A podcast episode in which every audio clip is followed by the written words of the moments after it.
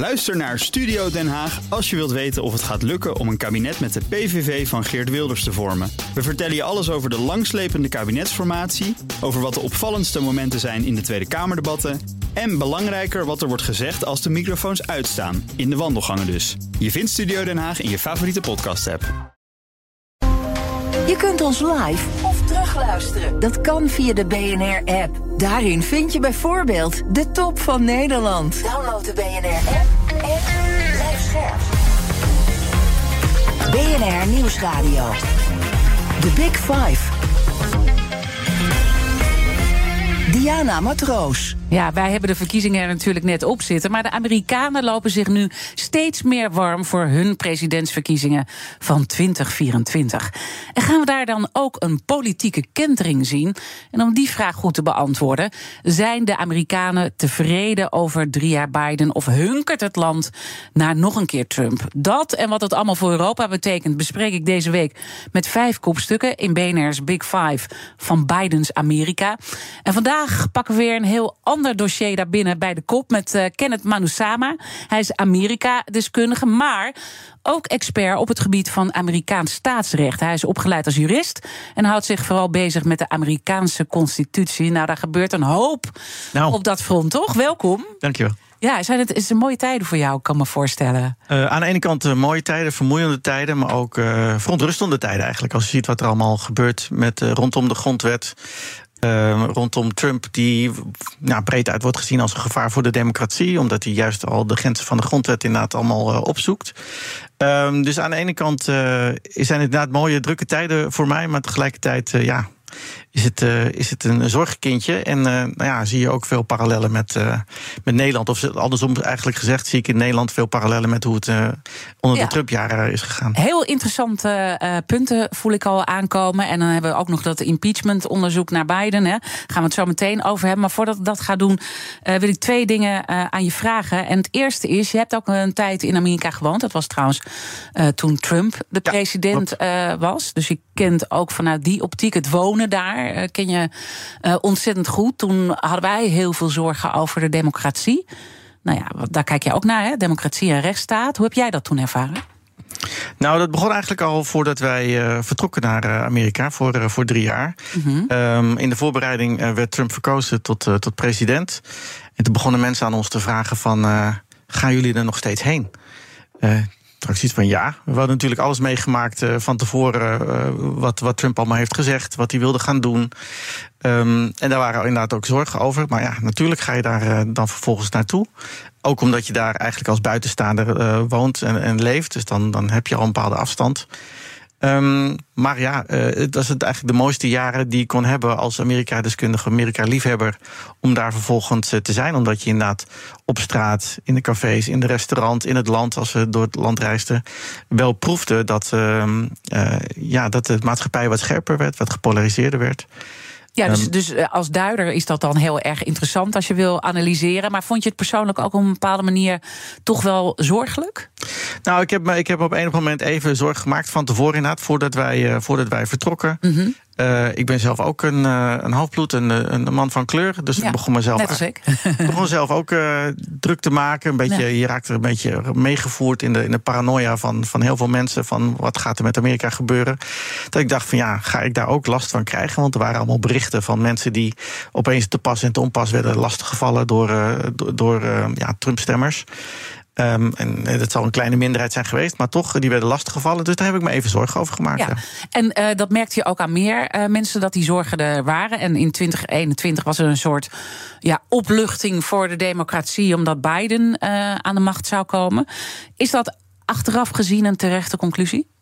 Nee, uh, eigenlijk hadden we al voor de verkiezingen van 2020, uh, gezien de retoriek van Trump en wat, al, wat hij allemaal probeerde samen met de Republikeinse Partij door het hele land heen, ten aanzien van de verkiezingen, uh, hadden al veel meer alarmbellen moeten gaan rinkelen. Sommige mensen begonnen zich af te vragen: gaat hij überhaupt wel het Witte Huis verlaten als hij verliest? Nou, we hebben gezien uh, dat tussen verkiezingsdag en uh, de bestorming van het Capitool op 6 januari 2021. wat Trump en de zijnen allemaal hebben geprobeerd om de verkiezingsuitslag terug te draaien. Um, en we hebben daar gezien dat eigenlijk de, de Amerikaanse democratie, de grondwet, heel erg kwetsbaar is. Structureel kwetsbaar is voor manipulatie door, door ja, um, te kwade trouwe actoren. Ja, en dat is in, in drie jaar Biden niet beter geworden ook. Het is, dat, al, die, al die kwetsbaarheden die zijn er gebleven. En eigenlijk is het alleen maar, is de retoriek in ieder geval van de rechterzijde, van de MAGA-zijde, alleen maar erger geworden. En heeft men ook echt in de, in de 50 verschillende staten zelf uh, geprobeerd om allerlei voordelen te behalen en eigenlijk voor te sorteren op, uh, op een overwinning van Trump in 2024. En dat, uh, dat is precies nu ook het moment waar we in zitten en waar er ontzettend veel binnen gebeurt. En laten we even beginnen bij Biden zelf. Want we moeten ook een beetje terugblikken op wat hij allemaal uh, heeft gedaan. Zijn wapenfeiten, wat heeft hij laten liggen en dat impeachment-onderzoek. Uh, Laten we beginnen bij hoe kijk jij terug op drie, jaar Biden? Democratie is dus achteruit gegaan, maar je andere dingen wel dat hij goed heeft gedaan? Ja, er zijn, er zijn een aantal dingen uh, die, zijn, die zijn goed gegaan. Um, ten eerste, zeg maar, de, de kalmte en de rust die uh, Biden heeft, met zich mee heeft gebracht. In ieder geval in het begin was dat zo. Hij heeft ge, allemachtig geprobeerd om zeg maar, het politieke klimaat weer een beetje te normaliseren. Dat is, dat is ten dele gelukt. Mm -hmm.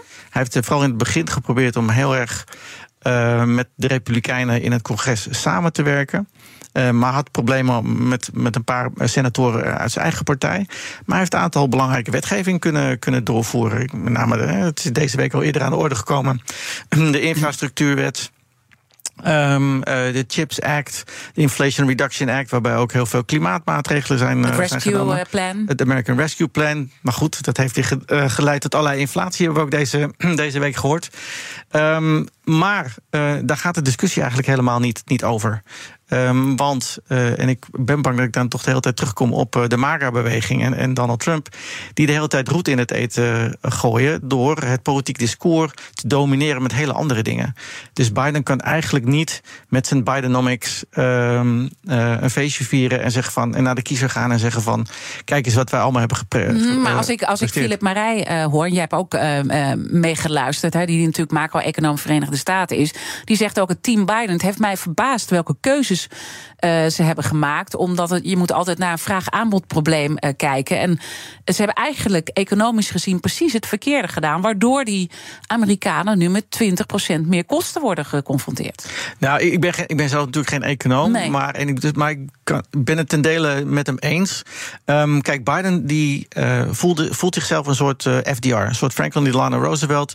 en wilde met zijn eigen soort van New Deal komen. Heel progressief. Uh, maar goed, dat betekent inderdaad heel veel geld uitgeven. Mm -hmm. um, en heeft daar misschien, uh, is daar misschien in doorgeschoten. Dat uh, laat ik aan Philip Marij om te zeggen of, of inderdaad is mm -hmm. doorgeschoten. maar vanuit progressieve hoek kan je zeggen dat hij heel erg succesvol is geweest.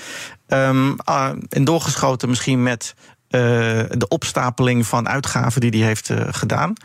Um, maar tegelijkertijd, wat ik zeg, klimaatmaatregelen genomen, infra, de broodnodige infrastructuurinvesteringen, uh, die zich inderdaad pas over vijf of tien jaar gaan, gaan uitbetalen.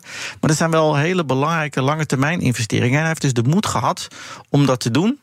Mm -hmm. Zal misschien ook hebben gedacht van ik heb niet zoveel tijd.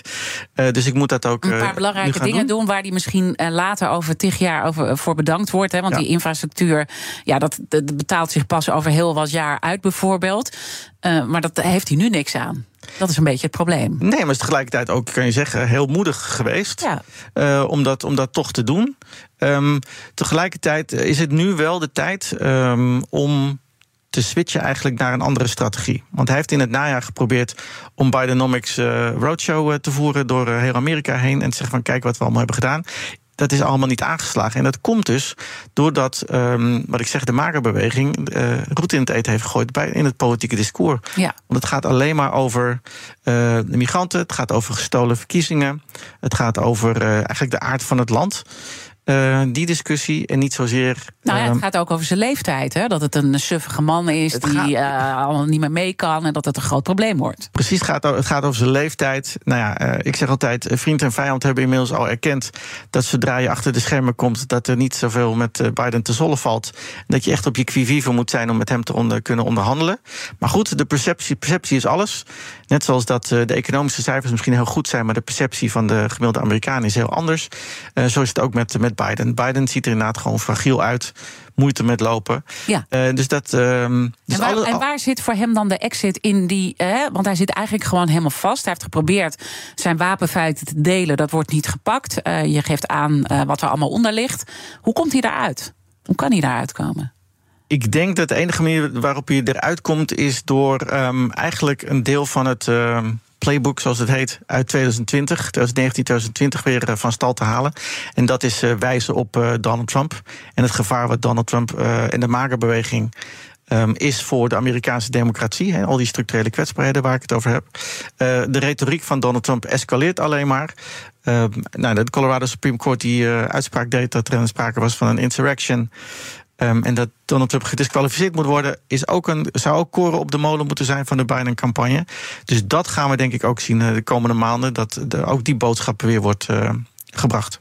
De Big Five. Diana Matroos.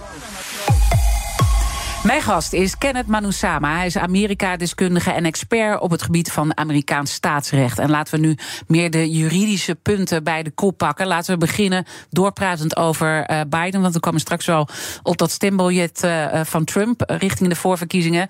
Maar intussen heeft Biden ook nog wel andere problemen op zijn bordje.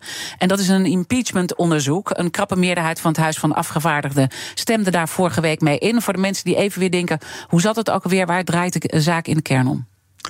Nou, dat is eigenlijk een goede vraag. Dat uh, stellen heel veel mensen zich vragen dit af. Waar gaat het eigenlijk nou precies om? Um, de beschuldiging, als het ware, is dat er sprake zou zijn van grootschalige corruptie in de, in de Biden-familie. Uh, in zakendeals met uh, Oekraïne, met China. en dat er dus op basis van de naam Biden zou worden gehandeld, invloed zou worden geruild voor, voor geld uit, uit die landen. -hmm. Um, daar is eigenlijk heel weinig bewijs uh, voor. De bedragen zijn ook um, uh, heel klein in vergelijking met uh, wat mensen doen, de, verrijking van, van Trump en zijn familie tijdens zijn jaren. Um, de democraten zeggen van ja, er is nog niet veel onoorbaars uh, gevonden eigenlijk. Dus waar, waar, gaat dit over? Dit is een beetje een mhm. soort. Want dat blijkt uit getuigenissen van voormalige ambtenaren, hè, dat daar eigenlijk het bewijs tot nu toe flinterdun is. Uh, alle documenten, alle, alles wat het Witte Huis heeft overlegd, alles wat ze hebben gevonden, de getuigenissen, gaan allemaal over uh, nou ja, bankafschriften.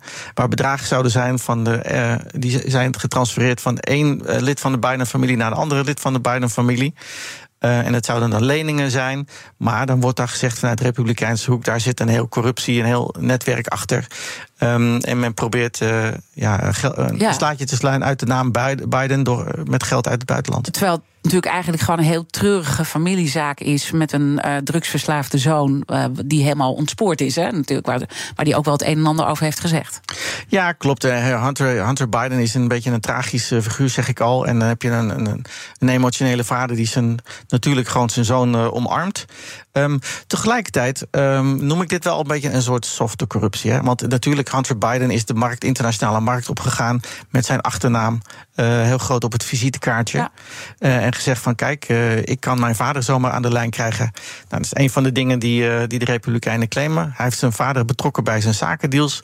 Terwijl waarschijnlijk Hunter Biden gewoon zijn vader heeft gebeld om te laten zien aan zijn mogelijke zakenpartners: kijk, ik kan mijn vader, de vicepresident, uh, kan ik gewoon bellen en uh, hallo laten zeggen. Ja, maar in ieder geval hoor ik aan jouw woorden, ook als je kijkt uh, vanuit het juridisch oogpunt, dit is niet impeachment waardig. Nee, dit is, dit, ten eerste is het niet duidelijk wat men, waar men hem nou van beschuldigt. De bewijzen zijn een beetje, een beetje dun. En um, het is denk ik inderdaad zeker niet impeachmentwaardig als je het gaat afzetten tegen andere impeachmentprocedures die zijn geweest. En dan heb ik het niet alleen over uh, Trump, maar ook uh, Nixon. Die uh, zou bijna onderwerp zijn van een impeachment onderzoek en impeachmentstrijd. Um, Clinton zou je nog kunnen zeggen, die was ooit veroordeeld vanwege um, seksuele relaties met iemand, met een, met een stagiair. Nou ja, dat was misschien ook niet impeachmentwaardig, maar goed, is het ook toen doorgedrukt. Um, impeachment moet bewaard worden voor, voor de echte de grote, de grote zaken, de grote misstanden. Um, nou, bijvoorbeeld, um, ik, heb, ik heb mijn twijfels gehad over de impeachment van Donald Trump in 2019. Als het gaat om het bewuste telefoontje naar de nieuwe president Zelensky van Oekraïne. Um, Tegelijkertijd zeg ik de tweede impeachment van Donald Trump, de unieke tweede impeachment van Donald Trump, die ging over de bestorming van het Capitool en de, de rol van Donald Trump daarin. Ja, dat vind ik dan eerder impeachment uh, waardig. Dus tot die hoogte, dat niveau zou het moeten, moeten komen. Mm -hmm. en tenzij uh, de Republikeinen uh, erachter komen dat Biden inderdaad direct miljoenen heeft gekregen uh, vanuit China, vanuit Oekraïne, vanuit waar dan ook. Uh, en dat er een, echt een quid pro quo is, echt een uitwisseling van goederen, diensten, geld is geweest.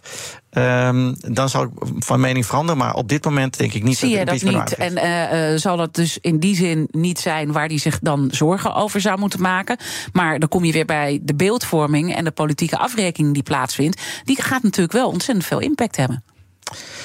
Of verwacht je van niet? Nou, ik verwacht niet 1, 1 2, 3. Ten eerste zijn de Amerikanen ook wel heel erg moe van het impeachment-verhaal. Het geeft ook een beetje aan dat ja. de afgelopen jaren dat het woord impeachment niet meer zoveel uh, teweeg brengt als, uh, als andere jaren. Omdat hij zo makkelijk die kaart getrokken die wordt. Kaart wordt heel, wordt, het is een bot instrument, die kaart wordt heel uh, snel getrokken. Mm -hmm. um, en er is telkens niks van terechtgekomen. Met de, de, de presidenten zijn niet, niet afgezet.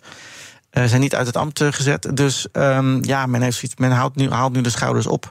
Het belangrijkste wapenfeit voor de Republikeinen van Donald Trump is dat er überhaupt gesproken wordt over een Biden impeachment. En dat dus Biden gelijk getrokken wordt, op gelijk niveau wordt gezet als Donald Trump en zijn impeachments. En laten we, dan, uitwisseling is. laten we dan maar even over al die zaken gaan praten. Nou, we komen niet aan alle 91 toe. Hè. Nee. Dan hebben we echt uh, uh, nou ja, drie uur uh, nodig en dan redden we het nog niet. Maar laten we beginnen in ieder geval met het laatste nieuws van deze week. In de week dat wij nu met elkaar spreken. Het Hoge Rechtshof van Colorado heeft Trump van het stembiljet afgehaald. Richting de voorverkiezingen heeft dat allemaal mee te maken. En daar had mijn eerdere gast, onze eigen buitenlandcommentator Bernard Hammelburg, een kettingvraag over aan jou. Luister maar. We hebben al die zaken tegen Trump. We hebben nu de kwestie Colorado. Die zegt ja, uh, hij heeft zo betrokken bij die koepoging dat hij niet mee mag doen aan de voorverkiezingen. Maar bij mijn weten is het een rechtsstaat en is Trump nog nooit ergens voor veroordeeld. Althans niet voor dit soort dingen. Dus hoe zit dat nou precies? Kun je, een, kun je iemand die ergens van wordt verdacht, maar niet is veroordeeld, uitsluiten van deelname aan verkiezingen? Uh, en in het algemeen, wat spelen al die uh, uh, rechtszaken uiteindelijk voor rol? Want ik hoor altijd dat nog de grondwet, nog de kieswet erin voorziet. Dus ook iemand die veroordeeld is, mag vanuit zijn cel campagne voeren. Of vanuit zijn cel president zijn. Mag ja. allemaal. Nou, het, ik zie je helemaal smullen als je de vraag hoort. Nou, de, vooral, de, vooral de, het eerste deel van de vraag is een, is een veelgehoorde vraag. En een veel, het, het, klinkt, het klinkt bijna wanhopig van, maar hoe kan dat nou? Mm -hmm. uh, het is ook een beetje lastig, lastig te begrijpen. Um, er is een verschil tussen staatsrecht en strafrecht. Um, de, de Colorado, Colorado Supreme Court heeft beslist op basis van een amendement bij de grondwet, 14e amendement, sectie 3, um, dat uh, Donald Trump gedisqualificeerd is uh, vanwege zijn deelname aan uh, insurrectie, terwijl, insurrection terwijl hij president was. Um, dat heeft eigenlijk niks te maken met het strafrecht. Inderdaad, um, hij wordt links en rechts beschuldigd van deelname aan een, aan, de, aan een opstand. Uh, aan een rebellie, um, maar is daar nooit voor strafrechtelijk veroordeeld. Nee, want die, dat moet allemaal nog komen in die dat, zaak. Dat, ja. dat gaat misschien nog komen, ja. maar um, dat 4 maart, hè? Dan, dan, begint, dan begint zaak, ja, dus dat gaat nog heel lang duren. Ja. Het 14e amendement, dat staat eigenlijk op zich. Uh, er staat nergens in het amendement bij de grondwet dat er eerst een strafrechtelijke veroordeling um, uh, aan vooraf zou moeten gaan. Um, er staat niks over Um, dat er een wet zou eerst moeten komen vanuit het congres om dat amendement uh, te opera operationaliseren. Het staat echt op zich. Er is een duidelijke scheiding hier tussen staatsrecht en strafrecht. Met andere woorden, wat heeft het Colorado Supreme Court moeten doen? Die heeft zelf een afweging moeten maken, zelf eigenlijk met een definitie moeten komen van insurrection. Uh, en vervolgens alle daden van Donald Trump uh, toetsen aan die, aan die definitie. Ja, en is tot het oordeel gekomen dat er inderdaad sprake was van een insurrection. Uh, met andere woorden, je kan, je kan, dus twee verschillende soorten insurrections uh, naast elkaar hebben: het strafrechtelijke deel en het staatsrechtelijke deel. En het feit dat die twee dingen niet zo uh, met veel met elkaar te maken hebben. Ja, dat is inderdaad lastig om, om, uh, om, om te, te begrijpen. begrijpen. Ja. ja. maar uh, dat kan dus echt naast elkaar kan dat bestaan. En om jouw werk goed te begrijpen, toen dit gebeurde, vertelde je me voor de uitzending. Je moest eigenlijk al naar bed en denk dan, ik, ik wil het allemaal uitzoeken. En ja. dat heb je de volgende dag, ben je daar de hele dag mee bezig geweest, om dat echt te onderrafelen. Uh, en als je dan uh, kijkt naar de onderbouwing, uh, is, die, is het goed onderbouwd, het verhaal? Nou, ik, ik, ben er, ik ben er de hele dag mee bezig geweest. Alleen al omdat het 201, uh, 213 pagina's was. Die ben je uh, allemaal doorgegaan? Die ben ik allemaal, allemaal doorgegaan. Wow. En dan moet je dan ook rustig, uh, rustig doorheen.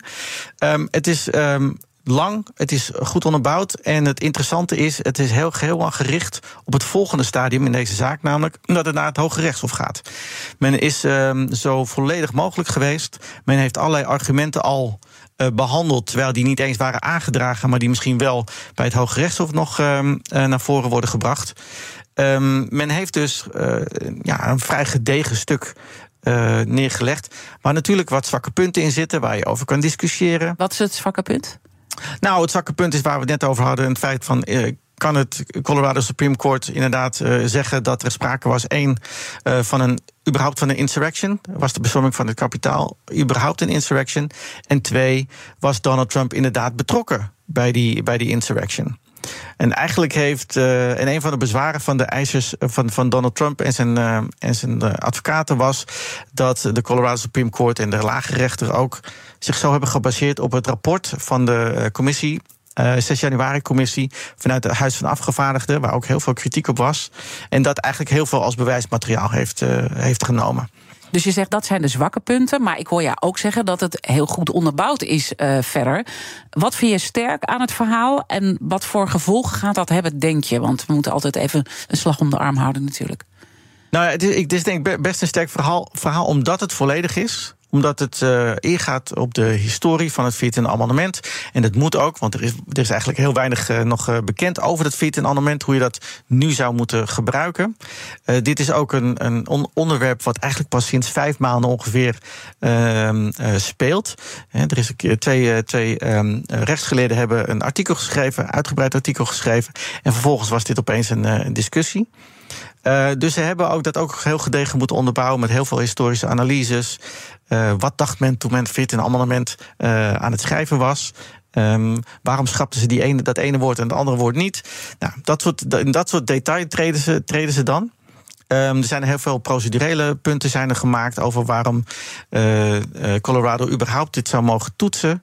Nou, alle, alle, alle plussen en minnen, alles is behandeld.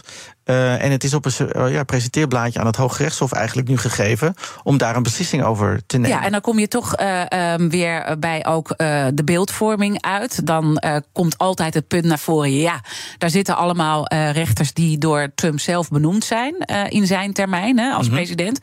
dat, dat zijn conservatieve rechters die daar zitten. Dit, dit gaat goed aflopen voor Trump. Ik denk inderdaad dat het goed gaat aflopen voor Trump. Omdat het Hoge Rechtshof. Niet alleen maar omdat, we, omdat er nu uh, een meerderheid is van uh, zes conservatieven tegen drie progressieven. En dat Trump drie rechters heeft kunnen benoemen tijdens zijn ambtstermijn. Um, maar ook omdat het Hoge Rechtshof, als Hoge Rechtshof, hoogste rechter in Amerika, juist zo gevoelig is voor de politieke en maatschappelijke impact die zo'n beslissing kan hebben. Want wat is die impact? Wat zijn de gevolgen van, deze, van een uitspraak van het Hoge Rechtshof die mee zou gaan met het Colorado uh, Supreme Court? Namelijk dat in alle 50 staten mensen rechtszaken kunnen beginnen om te zeggen van hé. Hey, uh, Donald Trump is volgens ons uh, gedisqualificeerd voor deelname aan de verkiezingen. Kijk maar naar de uitspraken van de Colorado Supreme Court en van het Amerikaanse Hoge Rechtshof. Donald Trump moet van het stembiljet ook in onze staat. Dus dat zou te veel gevolgen hebben, ook voor de maatschappij. Maar je zou toch ook denken: waarom gaan ze niet volgens de letter van de wet? Is het te politiek geworden? Ja, aan de ene kant is het politiek. Hè. We, denken altijd over het Hoge Rechtshof uh, uh, op twee manieren, gepolariseerde manieren. Eén, de juristen zeggen van ja, nee, het Hoge Rechtshof en die rechters zijn integer en zijn niet politiek. En inderdaad gaan precies volgens de letter van de wet en de geest van de wet. En er zijn diegenen die zeggen, vooral de afgelopen jaren, nee, het is een enorm politiek orgaan. Uh, het is heel. het feit dat we überhaupt al praten over Trump-rechters en Obama-rechters en, en, en andere rechters, geeft al aan dat we ze eigenlijk enorm wantrouwen en denken dat, we ze, dat zij op politieke gronden beslissingen nemen. Ja, maar ik hoor je eigenlijk zeggen: de waarheid ligt een beetje in het midden. Ze doen allebei. De waarheid ligt in het, in het midden. Um, ik ben er nog steeds van overtuigd dat heel veel juristen, heel rechters, veel rechters gewoon inderdaad volgens het recht zullen beslissen. Alleen, uh, hun juridische filosofie komt met een wereldbeeld. En het wereldbeeld vertaalt zich in hun juridische filosofie. Um, en als hoogste rechter is het Hooggerechtshof gewoon kijkt met een schuin oog naar de maatschappij. Wat, welke wind Mhm. waait er in de maatschappij? Wat voor impact hebben, hebben onze. eh, Weet je, laten we daar zo meteen over verder praten. Want het is super interessant wat je allemaal zegt. En dan gaan we ook even het vergelijken met Nixon. Want die heeft daar ook wel het een en ander meegemaakt eh, in het verleden. Als het gaat om het Watergate-schandaal. Eh, blijf luisteren naar Kenneth Manusama, Amerika-deskundige. En expert op het gebied van Amerikaans staatsrecht. Ook Thomas van Zeil vind je in de BNR-app. Je kunt live naar mij luisteren in Zaken doen, de BNR-app met breaking news, het laatste zakelijke nieuws en je vindt er alle BNR-podcasts, bijvoorbeeld Het Nieuwe Geld. Download nu de gratis BNR-app en blijf scherp. Blijf scherp. BNR Nieuwsradio. The Big Five. Diana Matroos. Welkom bij het tweede halfuur. Deze week praat ik met vijf kopstukken uit de wereld van de Amerikaanse politiek. In aanloop ook naar de verkiezingen daar in 2024, volgend jaar dus. Morgen praat ik nog met Koen Petersen. Hij is Amerikanist en Eerste Kamerlid voor de VVD. Ik ga onder andere met hem praten over het buitenlandbeleid van Joe Biden. Maar uh, vandaag ga ik uh, wat meer in op het Amerikaans staatsrecht met mijn gast Kenneth Manusama, Amerika-deskundige, maar ook expert uh, op basis van het recht. Komend half uur, Kenneth, wil ik in ieder geval nog twee onderwerpen met je bespreken. De structurele zwakheden van het Amerikaanse politieke systeem, ook vooruitkijkend al op een nieuwe president uh, die er gaat komen. En al die rechtszaken die we zien, want die zijn in ieder geval een belangrijk onderdeel uh, van dat hele proces wat we uh, nu gaan zien. En dan kom ik eigenlijk ook, laten we daarmee beginnen, want we waren een deel van de kettingvraag van Bernard Hammelburg. had je al heel mooi beantwoord. Maar het tweede deel was van wat spelen al die rechtszaken nu voor rol in aanloop uh, naar die verkiezingen. Want Bernard zei: Ik hoor altijd dat nog de grondwet, nog de kieswet erin voorziet. Dus ook als iemand die veroordeeld is, uh, mag hij vanuit zijn cel campagne voeren of vanuit zijn cel president zijn. Hij zegt: Het mag allemaal volgens mij. Is dat zo? Ja, dat is zo. En dat is een beetje een, een rare situatie natuurlijk, omdat het nooit bedacht is dat dit uh, überhaupt zou, zich zou voor kunnen doen. Nee, de grondwet zegt dat je 35 jaar moet zijn. Je moet geboren zijn in Amerika en 14 jaar in Amerika wonen. En, en that's it eigenlijk. En er komt natuurlijk wel, je moet niet deel hebben genomen aan een, aan een insurrection, zoals we eerder hebben, hebben besproken. Maar daar, daar blijft het bij. Er staat nergens in de grondwet, er staat nergens in een uh, kieswet, lokaal of federaal, dat, uh, uh, dat als je ja. veroordeeld wordt, dat je, dat je dan gedisqualificeerd bent automatisch. Ja, dat staat er dus allemaal niet. Ja, en zie je het dan voor je dat dat misschien wel ga, gaat kunnen gebeuren de komende maanden, dat een van de twee vanuit de cel campagne gaat voeren? Theoretisch, juridisch kan het, kan het dus inderdaad zeker. Ja. Um, als je dit zou willen oplossen, dan moet dat uh, politiek uh, gezien. Uh, dat zou bijvoorbeeld, als je het hebt over Trump, dan zou dat door de Republikeinse Partij, die zou uh, druk moeten uitoefenen op, uh, op Trump. Om, uh, of op de Republikeinse Conventie in de zomer op een of andere manier Trump van zijn voetstuk moeten stoten. Dat zie ik niet zo 1, 2, 3 gebeuren als je kijkt naar de staat van de Republikeinse Partij op dit moment. Um, dus dat betekent dat als de, de eerste proces begint op 4 maart. Ja. Uh, strafzaak. Voor Super Tuesday, voor dag de, dag, de dag voor Super Tuesday, geweldige timing. Um, en de uitspraak komt misschien al voor de zomer. En dat is even voor de duidelijkheid, uh, dat gaat over de bestorming van het kapitool, hè? dat is die zaak. Uh, de strafzaak? Dus, de, dus niet dat stempeljet, maar de strafzaak. Dit is de federale strafzaak uh, als het gaat om uh, eigenlijk alles in de aanloop naar de bestorming van het kapitool. En niet zozeer de bestorming van het kapitool zelf. Mm -hmm. Uh, dus dan hebben we het over um, alles wat hij heeft geprobeerd om te bewerkstelligen in Pennsylvania en Michigan. Druk zetten op officials in Georgia. He, een beroemd telefoongesprek tussen hem en de Secretary of State daar zo. Um, de nepkiesmannen die hij die, die heeft geprobeerd uh, in te dienen bij het congres. Al dat soort zaken die worden aan elkaar gesteld in die zaak. Mhm. Mm -hmm. Die begint dus 4 maart. Uh, wordt misschien al besloten voor de zomer. Um, dan is het dus een veroordeelde crimineel als hij schuldig wordt bevonden. Ja, en dan, uh, nogmaals, de grondwet en uh, geen enkel kieswet voorziet in een oplossing ja. uh, daarvoor. het enige is dat de kiezer, um, een deel van de kiezer al heeft gezegd. In een, in een diep verborgen in een peiling van de New York Times en, en Siena. dat ze denken van nou, zodra die veroordeeld wordt. Ja, dan ga ik niet meer op hem stemmen. Dat is nog best een, een behoorlijk Terwijl ik hem ook wel, zoals we hem kennen, de man uh, Trump... ik zie hem ook nog wel vanuit de cel daar uh, een, een, een prachtige campagne uh, voeren... van dit is een politiek proces. Hè? Nou ja, de, de rechtszaken zijn eigenlijk al zijn, zijn campagnestrategie. Precies. dus al elke zaak die negatief voor hem uitvalt, juridisch gezien... is politiek positief voor hem. Um, dat betekent dat als hij op een of andere manier in de cel zou moeten... Uh, wat ik praktisch gezien ook erg moeilijk vind als ik kijk naar uh, wat de Secret Service gaat doen. Waar gaat hij zitten? Um, uh, wat mag hij wel en niet meenemen en dat soort zaken. ja, zie ik dat, zie ik dat ja, ik kan het me bijna niet voorstellen dat het zover komt.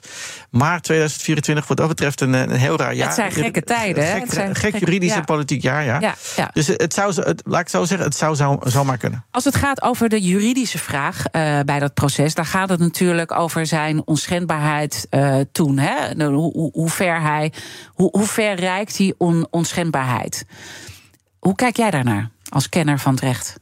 Nou, de, ten eerste, Donald Trump heeft probeert dus uh, alle argumenten die hij heeft, probeert hij uh, er tegenaan te gooien en kijken wat er uh, vast blijft plakken. En belangrijk is inderdaad, hij was president toen hij, toen hij het deed. Geniet hij niet een of andere immuniteit voor al zijn handelingen tijdens een presidentschap? Dat is het argument.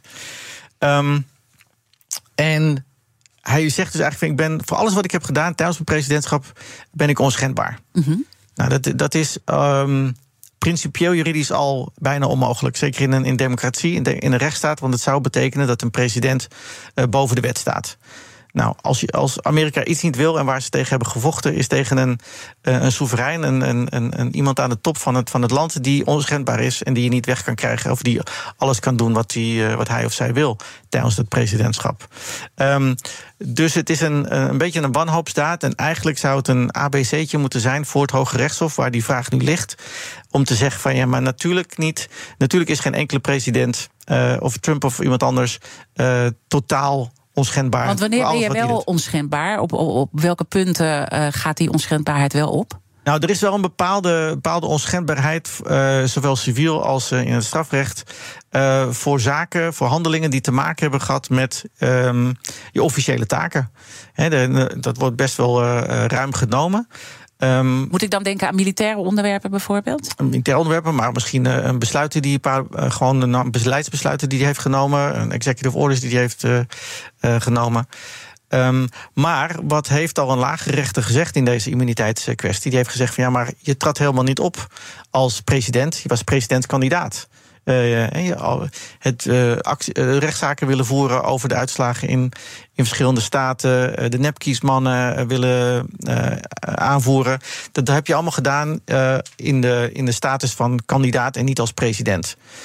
Dat, dus dat is een ander argument om te zeggen van ja, nee, dit, dit, mm. De ja. onschendbaarheid gaat voor die handelingen in ieder geval niet op. Misschien is het ook goed om altijd even in de historie uh, te duiken. Want dan kom je ook gewoon uh, zaken tegen waar dit ook al een keer speelde. En dat was natuurlijk bij Nixon. Uh, ja, Nixon heeft werd beschuldigd van, van machtsmisbruik. Um, uh, die heeft ook inderdaad geprobeerd te zeggen van ja, ik heb executive privilege. Je kan mijn, al mijn documenten mag je niet zomaar. het ging om geluidsopnames, hè? Die, die niet geluid, geheime geluidsopnames die ik heb gedaan, opgenomen, die mag je niet, mag je niet hebben. Um, hij heeft ook toen gesteld dat je kan mij niet um, strafrechtelijk aansprakelijk stellen of, uh, of civielrechtelijk zelf aansprakelijk stellen voor alles wat ik doe nu ik president ben. Nou, dat soort zaken, dat soort vragen zijn de afgelopen jaren ook allemaal beantwoord. Inderdaad, je kan een president tijdens zijn presidentschap niet strafrechtelijk uh, aanklagen, voor de rechter slepen, maar dat kan wel na zijn presidentschap. En zeker voor handelingen die niks hadden te maken met, uh, met het, uh, de uitvoering van je presidentiële taken. en, maar Nixon heeft op een gegeven moment natuurlijk. Uh, eieren voor zijn geld gekozen. Mm -hmm. uh, want hij zag een uh, impeachment onder, um, aan zijn broek komen. Vanuit zijn eigen partij nog wel. Um, wat tegenwoordig ook niet zal gebeuren. Uh, en dus die, die trad zelf af. Ja. Als jij dan nu uh, kijkt uh, wat je allemaal over die zaak weet en de, de, historische uitspraken die ook rond ditzelfde recht zijn gedaan, hoe zie je het dan aflopen voor Trump? Ik snap dat het moeilijk is, maar hoe groot zie je de kans op een veroordeling? Nou, ten eerste, de immuniteitsvraag is, zoals ik zeg, uh, is denk ik vrij makkelijk voor het Hoge Rechtshof te beantwoorden. Um, ik denk dat dezelfde vragen gaan spelen um, als bij de hele vraag of er sprake was van een insurrection. Um, wat Trump precies heeft gedaan. kan je niet gewoon zeggen dat hij inderdaad als kandidaat heeft geprobeerd, allerlei dingen heeft geprobeerd om de, de, de resultaten aan te vechten. Het zijn een beetje vage standaarden die worden gehanteerd. Je hebt een, je hebt een uh, obstructie van een officiële handeling. Uh, was uh, 6 januari een officiële handeling. Nou, al dat soort juridisch-technische vragen. die nooit eerder echt zijn beantwoord. op dit niveau met Mhm. een president. daar zit een bepaalde onzekerheid in. of het Hooggerechtshof daarin in, in meegaat of niet. Dus um, wat hij heeft gedaan, kan je denk ik objectief gezien zeggen wel laakbaar. Maar of het nou strafrechtelijk ook laakbaar is, verwijtbaar is. Um, ja, dat vind ik een beetje een dubbeltje op zijn kant. Spannend uh, om uh, met jou te blijven volgen. Uiteindelijk is, als je nu naar de peilingen kijkt, de kans best groot dat Trump weer aan de macht zal komen na de verkiezingen van 5 november. En analisten vrezen dat Trump in een tweede termijn als president, als dictator te werk zal gaan. Zeker ook omdat hij dat zelf op de Amerikaanse televisie heeft gezegd: Ik ben alleen een dictator op mijn eerste dag. hoe lees jij die opmerking? Nou, daar gaan de, de rillingen van over je, over je rug. Want, nou, je noemde het al in de aankondiging eigenlijk... er zijn wat structurele kwetsbaarheden uh, in, de, in het rondom het presidentschap en hoe het kiesrecht in Amerika is georganiseerd. Um, en doe daarbij alle plannen die eigenlijk al bekend zijn van Trump en de zijnen voor een nieuwe tweede termijn. Denk bijvoorbeeld aan de, de onafhankelijkheid van de rechtsgang. Um, uh, Donald Trump heeft tijdens zijn eerste termijn al de FBI-director ontslagen. Nou, dat was eigenlijk al ongehoord. Ja, dat was een schok, dat weet dat ik was nog. een schok. Ja. Um, en, maar het interessante is, uh, nergens staat in een wet, in de grondwet... Uh, of elke wet dan ook, dat, dat hij dat niet mag doen. Dat is eigenlijk een ongeschreven norm. Uh, dat je de FBI-director, dat je de minister van Justitie met rust laat, omdat zij op een onafhankelijke manier uh, het recht moeten handhaven. He, dus een, uh, een, Donald Trump zou eigenlijk niet mogen zeggen van, of Biden mag niet meer zeggen tegen zijn minister van Justitie: ga achter X, Y, Z personen aan, want ik, ze bevallen me niet. Dat is een ongeschreven wet, ongeschreven norm, die, waarvan Trump al heeft gezegd van nou. Als ik aan de macht kom. Die ga ik pakken. Die, uh, dan, dan geef ik de opdracht aan mijn minister. Uh, geef ik de opdracht aan de FBI om achter mijn politieke tegenstanders uh, te gaan. En dat is een hele mooie tease naar uh, de zwakheid eigenlijk in het uh, politiek systeem in Amerika. Daar wil ik het zo meteen met je over hebben. Ook Bas van Werven vind je in de BNR-app. Ja, je kunt live naar mij en Iwan luisteren tijdens de ochtendspits. Je krijgt een melding van Breaking News. En niet alleen onze podcast Ochtendnieuws, maar alle BNR-podcasts vind je in de app. Download nu de gratis BNR-app en blijf scherp. BNR Nieuwsradio. The Big Five. Diana Matroos. Ja, je luistert nog steeds naar BNR's Big Five van Bidens Amerika. Eerder deze week sprak daarover met Laila Frank. Uh, zij is ook Amerika-deskundige, weet ook veel over de vrouwenrechten in de Verenigde Staten. En ik sprak ook met haar over het nalatenschap uh, van Biden. Uh, dit is terug te luisteren via bnr.nl en de bekende podcastkanalen. Mijn gast vandaag is Kenneth Manusama, Amerika-deskundige en expert op het gebied van Amerikaans staatsrecht. En jij zegt eigenlijk dat je wel huivert voor wat er allemaal te gebeuren staat. En dat er dus ook heel veel veel ruimte eigenlijk zit uh, binnen het presidentschap. Een soort ongeschreven regel. Uh, moet ik dan opmaken uit jouw woorden dat heel veel uitgaat uh, van vertrouwen en dat er nou, op een bepaalde manier naar het presidentschap wordt gekeken? Ja, de, de opstellers van de grondwet uh, hadden eigenlijk maar één persoon uh, voor ogen toen zij uh, het ambt van het presidentschap omschreven. met eigenlijk, en ook dat deden met heilig weinig woorden. En dat was George Washington. George Washington is de, de vader des vaderlands in Amerika. Um, was een man die boven alle ophef was verheven. En waarvan men dacht van nou, het ambt van presidentschap, wat überhaupt in die tijd niet zo belangrijk werd geacht, dat kunnen we makkelijk toevertrouwen aan George Washington. Ik, ik, ik zeg altijd, uh, het werd als een uniform gebracht. Uh, George Washington deed hem aan en hij zou dat uniform wel, wel uh, mooi passend maken. Um, en het is eigenlijk gebleken dat dat dus niet ja, niet zo is. Het ambt is met dermate weinig regels en normen om, omgeven dat een, een kwaadwillende actor ja. heel makkelijk het ambt naar, ambt naar zijn hand kan zetten. En vervolgens allerlei zaken kan doen. Um, maar waarom hebben ze dat op die manier uh, gedaan? Want ze keken naar George Washington en dachten dat komt wel goed of zo. Ze dachten dat komt wel goed, maar ook belangrijk. Ze dachten dat het ambt van president niet zo belangrijk was. De nadruk lag bij de, bij de wetgevende macht, bij het congres. Maar we hebben natuurlijk gezien in de 20e eeuw dat het ambt van presidentschap enorm is uitgedijd. Uh, er worden nu vaak beschuldigingen van de deep state. Nou, de uh, dat zijn eigenlijk beschuldigingen richting de bureaucratie die, om, uh, die de, het presidentschap omgeven. En die zoveel invloed hebben tegenwoordig um, op de Amerikaanse maatschappij. Het reilen en zeilen van de Amerikaanse maatschappij. Veel regels zelf stellen. Uh, niet, niet, geen wetten, maar zelf regels stellen. Waar heel veel Amerikanen last van hebben. Denk aan milieuregels bijvoorbeeld. En um, tegenwoordig uh, denkt men van ja, maar wacht even. Um, Donald Trump en de zijnen denken: wacht even. Als we nou maar de juiste personen op de juiste plekken hebben in die bureaucratie, in de deep state. Ja. En dan kunnen we alles naar, naar ons hand zetten. En dan kunnen we eigenlijk doen wat we, wat we willen. En daar, dat plan ligt klaar. Ja, want hij zegt wegnemen van de ontslagbescherming in het ambtenarensysteem. Dus dat betekent dat hij iedereen gewoon eruit kan uh, ja, dus, gooien. Dus het wordt een beetje een soort zuivering van het, uh, van het ambtenarenapparaat. om vervolgens daar allemaal loyalisten neer te zetten. die gewoon precies naar de pijpen dansen van, uh, van president Biden. En je ziet tegenwoordig altijd wel. En dat van Trump bedoel je? Ja, van Trump. Je ziet tegenwoordig ook in Nederland.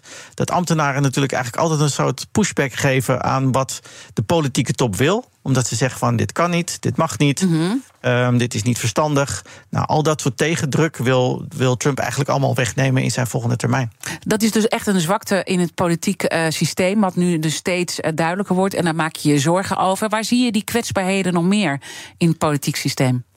Eigenlijk misschien nog wel het belangrijkste is het kiesrecht zelf. We hebben natuurlijk al veel over het kiesrecht gehad.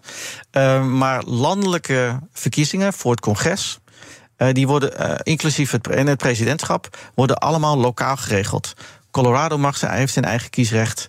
Um, uh, Wisconsin heeft zijn eigen kiesrecht. Alle 50 staten mogen zelf bepalen hoe zij hun congresleden kiezen en hoe zij de verkiezingen voor de presidentschap verlopen.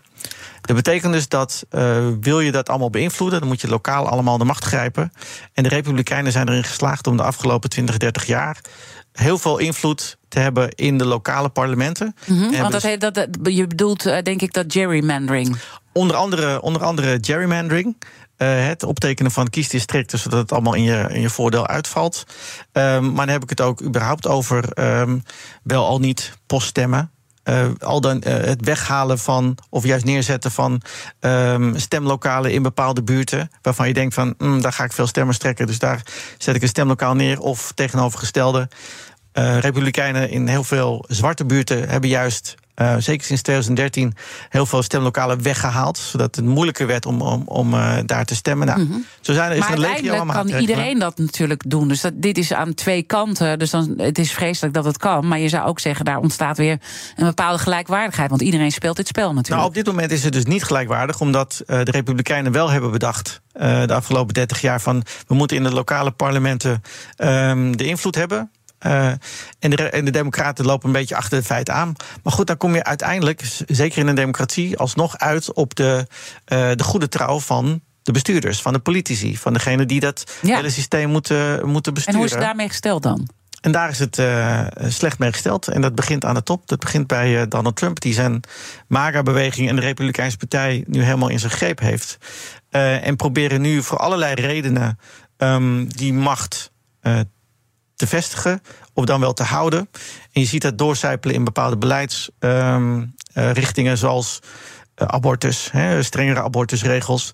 Maar ook bijvoorbeeld. Ja, daar sprak ik inderdaad over met Laila Frank. Ja. Strengere regels als het gaat om uh, diversiteit op scholen, bijvoorbeeld. Uh, we hebben natuurlijk de verhalen gehoord over het uitbannen van bepaalde boeken.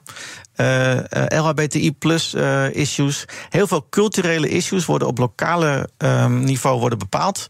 Uh, en dus het is belangrijk dat je daar als, op, op lokaal niveau als partij of als beweging, als ideologie mm -hmm. uh, invloed hebt. En de Republikeinen hebben dat heel goed uh, gedaan. En ik kan me dus voorstellen dat dat ook weer merkbaar is in het dagelijks leven. Want zo begonnen wij ons gesprek. Dat je ook veel in Amerika hebt gewoond. Ook ten tijde van de Trump-regering. Maar we zitten nu natuurlijk weer in een hele andere tijdsperiode. Waar je eigenlijk zegt: politiek wordt het systeem steeds zwakker. De democratie staat steeds verder onder druk. Overigens hebben wij dat ook. Hè? Ja. dus dit is ook iets wat, wat wereldwijd natuurlijk ook uh, aan de hand is. Maar hoe merk je dat op straat in de samenleving? Nu. Nou ja, we begonnen inderdaad het gesprek met het feit dat ik naar Amerika ging en dat ik uh, daar uh, me zorgen maakte. Maar ik, ik, ik, woonde in New York. Ik woonde zelfs in Manhattan. Nou ja, New York is een. Enorm blauwe staat, democratische staat, enorm progressief en cosmopolitisch. Maar zodra je dan het land in gaat, um, daar begon ik me al meer zorgen te maken. Bijvoorbeeld um, dat ik dacht van, nou ja, ik moet me vooral aan de snelheidslimiet houden als ik in Texas rij of in, in, in Florida. Um, dat soort. Omdat je een kleur hebt. Omdat, omdat ik als, als iemand van kleur dat ik me daar zorgen over maakte. Iets wat ik in Nederland eigenlijk niet hoef. Niet hoef. Um, Hoewel sommige mensen dat nog steeds wel hebben. Um, maar het gaat ook de, polarisatie in elke discussie. Hè. We, we, zien discussies in als het gaat om uh, schooldistricten, waar uh, ouders veel meer invloed willen op wat er gebeurt op hun openbare school. Nou, uh, je wordt in Amerika kan je gekozen worden tot een schoolraad. Er zijn verkiezingen voor. Mm-hmm. Maar die mensen moeten ook ter verantwoording worden geroepen. Nou, en dat gaat er enorm veel aan toe. Dus je ziet op alle punten, als het, als het gaat om uh, rechten van uh, kinderen, LHBTI-rechten, de positie van minderheden, dat dat debat enorm gepolariseerd wordt, omdat men, men zeker aan, aan extreme flanken, extreem rechtsere flanken, er een soort permissie is om maar te zeggen wat je denkt en wat je vindt. En dat kan soms heel lelijk uh, naar voren komen. Uh, men wil dus inderdaad, zodra een boek iets, heeft, uh, iets bevat over kleur, over mm. homoseksuele handelingen, dan moet het gelijk geband worden. En, gelijk... en, en, dus dan heb je ook die cultuuroorlog die volop woedt. En dat het dus in de hoofden ook van mensen gaat zitten. Het gaat in de hoofden van mensen zitten. Mensen beginnen elkaar enorm te wantrouwen. befaamde riedeltjes van: oké, okay, Thanksgiving en kerst komt eraan. Ga vooral niet over politiek praten als je met je hele familie om de tafel zit. Want dan krijg je ruzie. Uh, afgelopen jaren is al, sinds Trump-jaren, is het al zo dat inderdaad gezinnen gewoon soms uiteen zijn gedreven omdat ze niet over politiek konden praten en ruzie daarover kregen. Dus dat uh, in de haarvaten van de maatschappij gaat die polarisatie zitten. We hebben nog één belangrijke taak te verrichten. En dat is de kettingvraag door te pasen naar de gasten waarmee ik de week mee besluit morgen. Koen Petersen, Amerikanist en Eerste Kamerlid voor de VVD. Wat zou je hem willen vragen? Uh, nou, Koen is natuurlijk uh, een inderdaad algemeen Amerikanist. Uh, een mooi boek geschreven over einddoel Witte Huis ooit. Um, en ik wil eigenlijk doorgaan met mijn vraag over zijn verkiezingsframe. Want um, ik ben zelf geen peilingexpert. Um, maar we gaan varen heel erg op peilingen tegenwoordig als het gaat om verkiezingen. Maar ik, de, in de onderliggende dynamieken vind ik altijd heel interessant. En ik wil eigenlijk aan Koen vragen van... wat is er nou sinds de Trump-jaren zo anders in de verkiezingsdynamieken... die uh, in voorgaande verkiezingscycli eigenlijk altijd hetzelfde waren? Of, of is juist nu de, alle verkiezingsdynamieken gewoon hetzelfde... en is het gewoon uiteindelijk weer die economy stupid? Wat is er nou sinds Trump in de verkiezingsdynamiek anders dan anders? Mooie vraag, die ga ik hem zeker stellen. Je refereerde aan zijn boek. Uh, maar er komt binnenkort ook een boek van jou aan. wat eigenlijk ook gaat over wat we nu allemaal besproken hebben. Ja, we hadden het over de structurele kwetsbaarheden. Inderdaad, 27 eh, februari komt mijn boek uh, Democratie van het Wilde Westen uit. En het gaat eigenlijk allemaal over recht, racisme en religie. Uh, en dat de democratie inderdaad uh, in Amerika onder druk staat. Uh, en als mensen nou nog meer willen weten over de Colorado Supreme Court zaak, dan kunnen ze ook luisteren naar de podcast Amerikaanse toestanden. Goed, heel goed dat je nog even reclame maakte daarvoor. en ik ben heel erg benieuwd in ieder geval naar je boek, want ik vond het een, een feest om met je te praten hierover. dankjewel, Kenneth Manusama, Amerika-deskundige en expert op het gebied van Amerikaans staatsrecht. En luister zeker de andere afleveringen terug. Ga gewoon naar je favoriete podcast-app. Maar blijf nu live naar BNR Zaken doen met Thomas van Zijl luisteren. Ik wens je een mooie dag en tot morgen. Ook Liesbeth Staats vind je in de BNR-app. Ja, heel handig. Luister live naar Kees en mij tijdens de Daily Move. Dan blijf je ook gelijk op de hoogte van breaking news en het laatste zakelijke nieuws. En daar vind je ook alle BNR-podcasts, waaronder de Perestrooikast. Download nu de gratis BNR-app en blijf scherp.